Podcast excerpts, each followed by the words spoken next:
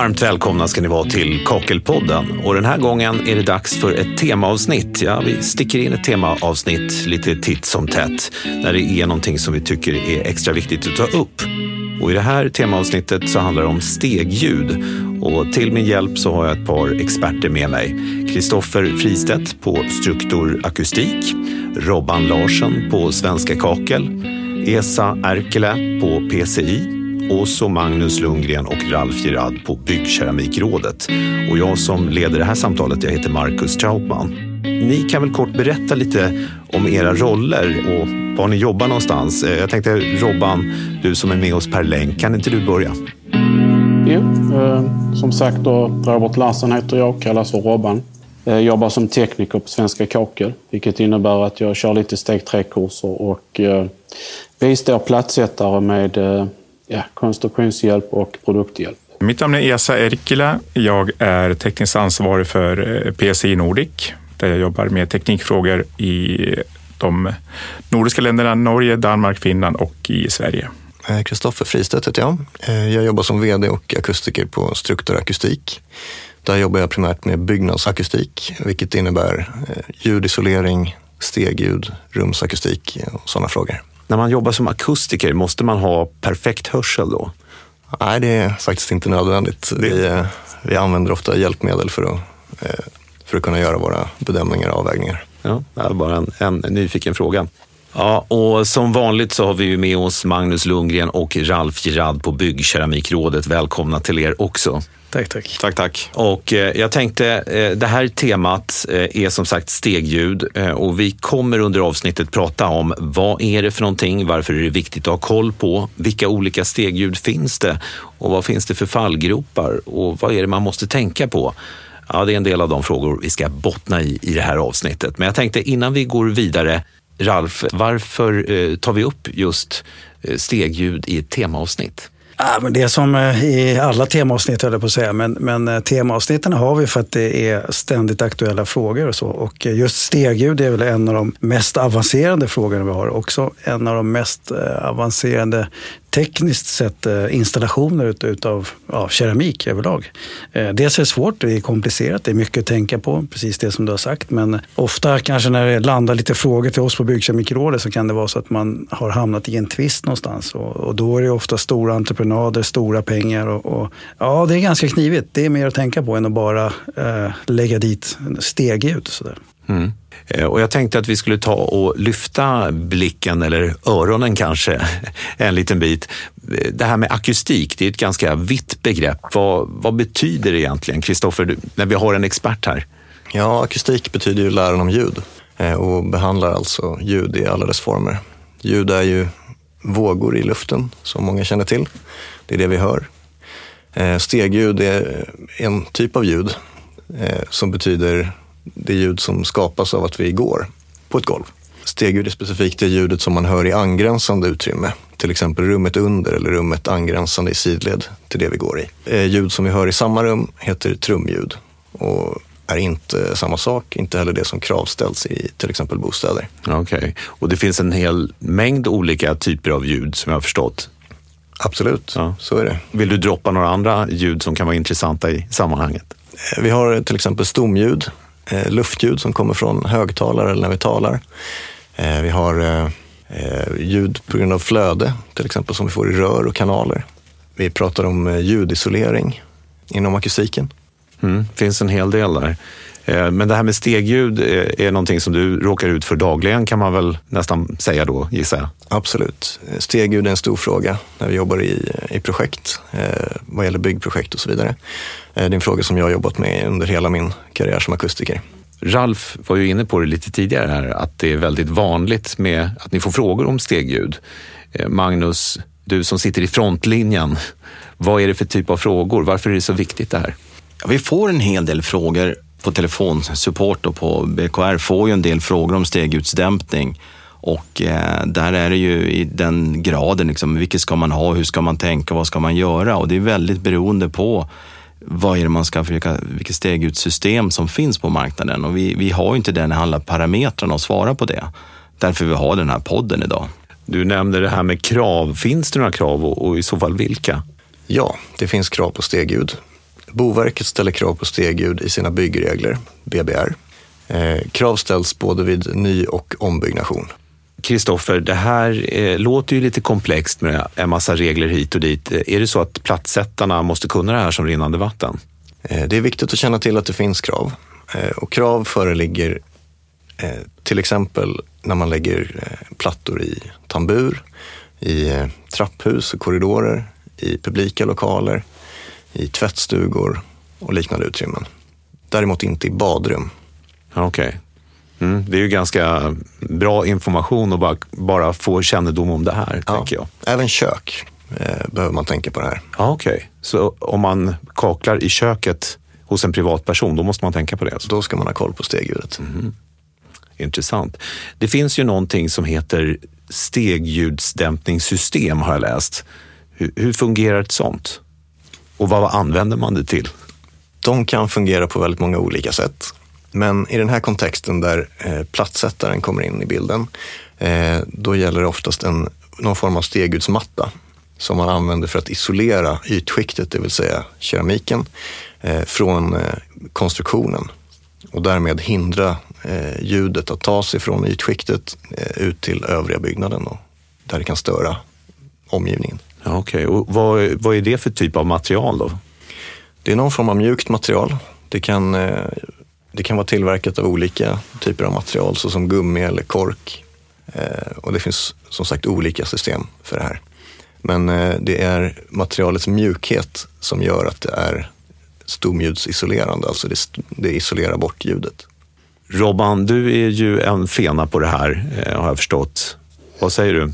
Ja, men det är väl som Kristoffer förklarar här att eh, tankegången är ju att eh, den här mjuka mattan ska ju absorbera det ljudet som kommer från ett hårt slag på, på klinkern så att säga. I form av tofflor eller annat som slår emot. Och eh, då ska det ju så att säga absorbera ljudet och dämpa det mot angränsande utrymme. Som de sa då att det kan ju bestå av olika material men det finns faktiskt även fästmassor som i sig själv dämpar ljud Väldigt lite dock, men, men ibland finns det tyvärr inte utrymme att lägga någon matta. Så att då måste man använda något stegljusfix istället, så att säga. Mm. Så att det, är väl det, det är väl så det fungerar i korthet. Eh, inte för att eh, det här har riktigt med saken att göra, men jag hade en granne förut som gick med träskor inomhus. Det känns mm. ju inte sådär jättebra. nej. nej. nej, men de som har bott i ett gammalt 60-talshus med loftgångar, de kan nog eh, verifiera att det låter i hela huset när man går med tofflor på en loftgång. Ja, ja, och det är, ju det, det är ju det ljudet man vill få bort, så att säga. Mm.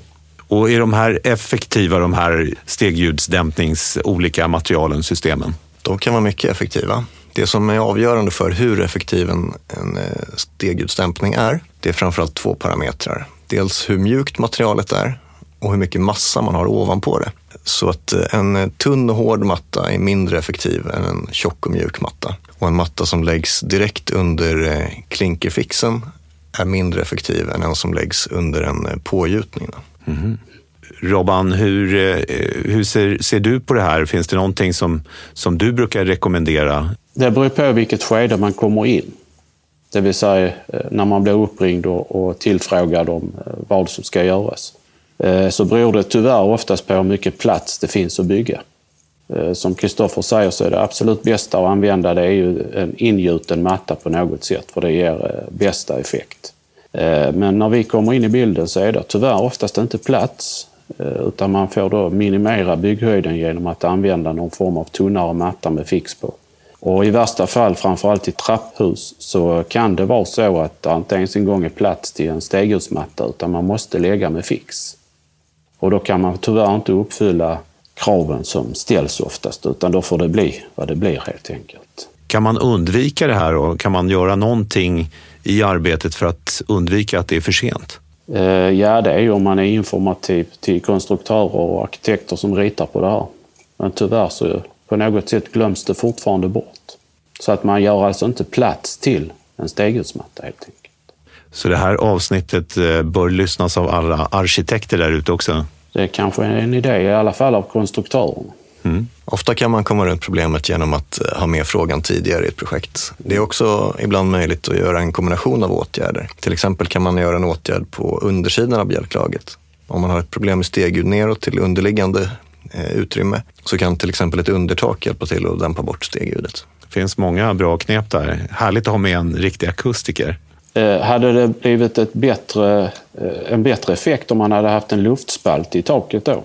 Ja, absolut. Eh, Undertakets effekt, eller ljudisolerande effekt, är beroende av dels vilket material som sitter där och dels hur stor luftspalten blir. Så att ett undertak som bygger mycket kommer ha stora möjligheter att dämpa bort ljud. Medan ett som byggs väldigt nära bjälklaget har mindre ljuddämpande förmåga. Jag har nu en fråga till dig, Kristoffer. Hur ofta och görs det verifiering av eh, ljudklassning och ljudmätningar?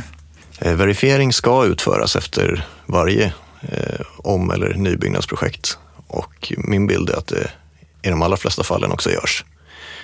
Då ska man mäta ett stickprov av de utrymmena som har, som har byggts. Okej, Kristoffer, jag har en kompletterande fråga till dig. Gör man några mätningar efter färdigställande av platssättning? Ja, det gör man.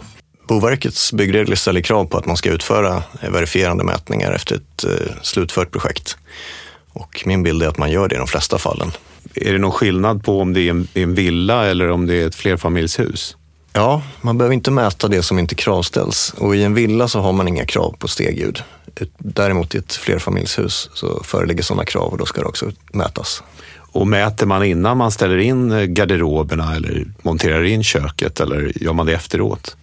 När det gäller just stegljudet så går det bra att mäta både innan och efter att övrig inredning är på plats. Okej. Okay. Jag tänkte rikta en fråga till dig, Elsa. Eh, vilka olika typer av stegljudsdämpande material finns det? Eh, idag finns det på marknaden så finns det olika typer av mattor som kan vara både små och stora. Det eh, finns även skiv, skivor som eh, varierar storlek. Och så finns det rullar också. Eh, och dessa kan vara gjorda av eh, gummikork och eh, även andra typer av eh, återvunnet material. Till exempel så finns det ju även stegljudsfästmassor som eh, ofta är tillverkade av återvunnet gummi. Eh, det finns eh, även gamla kokosmattor med kork med bindning av PU-elastanomer, alltså bindemedel. Det finns ju en hel del olika typer av material som man använder. Och de måste ju vara mjuka, men de får inte lov att vara för mjuka för då finns det ju en risk att fogar spricker och plattor lossnar. Så att de måste vara tillräckligt mjuka för att kunna ta upp och dämpa ljudet, men de får inte vara för mjuka heller. Så det är en avvägning för att det ska fungera. Och hur resonerar man där när man väljer material? Är det beroende på vad, hur byggkonstruktionen ser ut eller i vilket, vilken typ av eh, rum det, det läggs? Eller? Ja, det stämmer. Vilken stegutstämpning man behöver är beroende av dels hur övriga konstruktioner ser ut och dels vilket eh, det angränsande rummet är. Alltså vilken typ av rum som eh, utsätts för stegljudet och också eh, vilket rum som det uppstår i, alltså vilken stegljudsbelastning. Så att vi har nämnt tidigare att man inte ställer krav i badrum till exempel. Medan i övriga utrymmen i en bostad så ställer man krav. Mm. Eh, ni har pratat eh, lite grann, Essa och Robban, om olika materialskillnader. Eh, när man tittar på konstruktioner och de skillnaderna, vad, vad är viktigt att veta där? Ja, du har ju både tunna och tjocka eh, konstruktioner eh, och sen har du också konstruktioner där man kan gjuta in i, i, in i en eh, hel golvkonstruktion. Eh, så det är väl egentligen de stora skillnaderna. Vi var ju inne på det här med att testa stegljud och att man gjorde då efter att man har gjort en renovering eller nybyggnation. Eh, men hur går man till liksom rent praktiskt när man testar det här? Jo, man eh, mäter stegljud genom att använda en standardiserad eh, hammarapparat eller stegljudsapparat. Den här ställer man då i ett rum och sen så hamrar den på golvet och så mäter man ljudnivån i det angränsande utrymmet. Det här ställs då i relation till de krav som finns på standardiserad stegljudsnivå. Okej, okay. och det är här ni som akustiker kommer in och gör det här jobbet? Det är ingenting som någon annan gör, utan det är, det är ni som kontrollerar det här? Ja, det stämmer. Det här utförs normalt av akustiker. Det som är viktigt för platssättarna det är att tänka på att när det ska göras mätningar i fält så måste man se till så att alla detaljer finns på plats. Det vill säga dörrar, karmar, fönster liknande så att man får samma förutsättningar när man mäter efter stegutstämpningen är lagd som före. Ja, viktigt att få allt på plats innan. Ja, det är ju ett otroligt komplext ämne det här eh, och jag kan tänka mig att det finns en hel del fallgropar. Vad skulle du säga Kristoffer som akustiker? Vilka fallgropar ser du? Det finns ett antal eh, fallgropar och de faller inom två olika kategorier. Dels är det fel på projekteringsstadiet, det vill säga att man har valt fel metod eller fel produkt för att stegljusdämpa. Man har valt fel material till exempel. Eh, och sen så finns det fel i utförandet. Då rör, rör det sig ofta om kortslutning av den stegutstämpning som är gjord. Eh, när man har gjort en stegutstämpning så innebär det att man har lagt in ett mjukt material under eh, keramiken och eh, kortslutning innebär att man har stumkoppling av det här eh, golvet till övriga stommen, till exempel via väggar och golvbrunnar och socklar och så vidare. Det finns en del fallgropar kan man onekligen säga. Robban, vad säger du? Vad, vad, finns det för fallgropar om man tittar utifrån ett plattsättarperspektiv? De bör ju aldrig utlova att de kan skapa en viss ljudklass genom att använda ett stegljusdämpande system. De bör aldrig garantera att det ger en viss typ av nivå på, på dämpningen. Därför att det finns olika förutsättningar på olika projekt och eh, det beror som Kristoffer tydligen sa innan att eh, vad man har för ytmaterial. Det vill säga att har man testat ett system så har man kanske testat det med 15 gånger 15 plattor och så ska man lägga 30-30. Sen eh, som sista del för plattsättarna så är det oerhört viktigt att man använder erfaren och utbildad personal som gör hela projektet. Det vill säga att man inte kanske sätter in andra plattsättare efter några eh, utrymmen som fortsätter, som inte har fått utbildning i systemen. För att eh, oftast så fallerar det om man gör det. Och eh, gör man fältmätningar så vill man ju gärna göra dem så tidigt som möjligt. Och har man då erfarna plattsättare som utför de första utrymmena och man får ett bra resultat. Och när man sen gör eftermätningar, när hela projektet är klart så kanske inte man når upp till de resultaten och då, då börjar det kosta pengar. Så att eh, de bör tänka på att man använder samma personal på hela projektet. Essa, om vi vänder eh, på, på det lite grann och tittar utifrån ett leverantörsperspektiv, vad finns det för fallgropar då? Ja, det är väl att man ska säkerställa att underlagen i sin tur är helt plana så att man inte får svackor i golven. Eh, och det är ju för att underlätta montage för eh, entreprenörerna. Och det som Kristoffer också nämnde är ju att använda eh, de här som bryter stumma material mot andra, alltså någon typ av kantband när det gäller pelare eller andra väggar eller andra anslutningar. Eh, så att man inte får ljudet av andra vidare. Som eh, Robban var inne på så är ju de här materialen, de stegljusdämpade materialen, är typtestade. Eh, men det ska man tänka på att de är testade på ett, ett underlag som är ett betongbjälklag. Använder man produkten på ett, ett annat typ av underlag, då kan man inte räkna med att man får samma ljud, ljuddämpning. Mm, det är så många andra beroenden. Är, är det någonting annat som är viktigt att tänka på utifrån era perspektiv, Essa och Robban? Eh, för platsättarnas skull så, så är det väl egentligen inte så mycket mer än det. För att eh, de kan egentligen bara utföra det enligt monteringsanvisningarna och sen eh, vara så noga som möjligt. Sen kan de egentligen inte göra någonting annat. Det beror som sagt var på hur resten av konstruktionen ser ut också. Så det är inte bara deras arbete som är avgörande. Jag vill även tillägga att eh, det här är en monteringsanvisning för ett eh, stegjutssystem. Och då är det viktigt att följa den monteringsanvisningen till punkt och pricka. Och det gäller alla materialen, just som Esa var inne på med kantbandet. Där eh, har vi erfarenhet sagt att man, ja, måste jag verkligen ha det? Det räcker väl bara med mattan. Men det är ett system som är utprovat. Det är som med våtrumssystemen, det är ett systemtänk i det här. Och därför är det så viktigt att få med sig alla de här detaljerna för att uppnå ett bra resultat. Vi har ju pratat om att man inte behöver tänka på, på det här med stegljud när man gör badrum. Men hur är det med eh, träbjälklag? Träbjälklag är alltid svåra med avseende på ljudisolering och stegljud. Framförallt så är träbjälklag relativt svaga vad gäller låga frekvenser. Och om man behöver dämpa bort stegljud i låga frekvenser så är det väldigt svårt med lösningar på undergolvet, alltså stegljudsmattor när, när man har sådana problem då, då kan det vara bra att eh, fråga någon som kan räkna på det. En akustiker exempelvis. Mm. Passande. Fråga till dig Kristoffer, finns det någon provningsmetod just för träbjälklag? Metoderna för att prova det går till på samma sätt som för andra typer av bjälklag. Men man ska tänka på att produkterna inte typtestade normalt sett på eh, träbjälklag. då ska det framgå att de är det. Men normalt sett är de testade på betongbjälklag så att den stegljusdämpning som anges i ett produktdatablad för en stegljusmatta eh, kan du inte räkna med gäller på ett träbjälklag. Det här med yta, hur stor måste ytan vara innan man måste liksom börja fundera på det här med stegljud? I tamburer så är det här en fråga. Så att eh, kaklar eller lägger klinkers på en yta som är mindre än en meter i tamburen, då behöver du inte göra någon stegljusdämpning. Är det större än en meter, då behöver du ta hänsyn till det. Mm. En kvadratmeter alltså? Förlåt, en kvadratmeter menar jag. Mm. Man brukar ju prata om att eh, storleken kan ha betydelse i olika sammanhang. Hur är det med keramiken? Har, har det någon eh, betydelse när det gäller just eh, stegljud? Inte som jag känner till. Jag har inte kommit i kontakt med att det skulle ha någon betydelse hur stor keramiken är, utan Eh, stegljudsnivån bör bli likvärdig oavsett om man har stora eller små plattor. Eh, jo, storleken har faktiskt betydelse vad det gäller eh, om de är av en viss tjocklek eller de får till exempel inte vara alldeles för små på de flesta av de här stegljusdämpande systemen. För att då kan fogar spricka, plattorna kan lossna.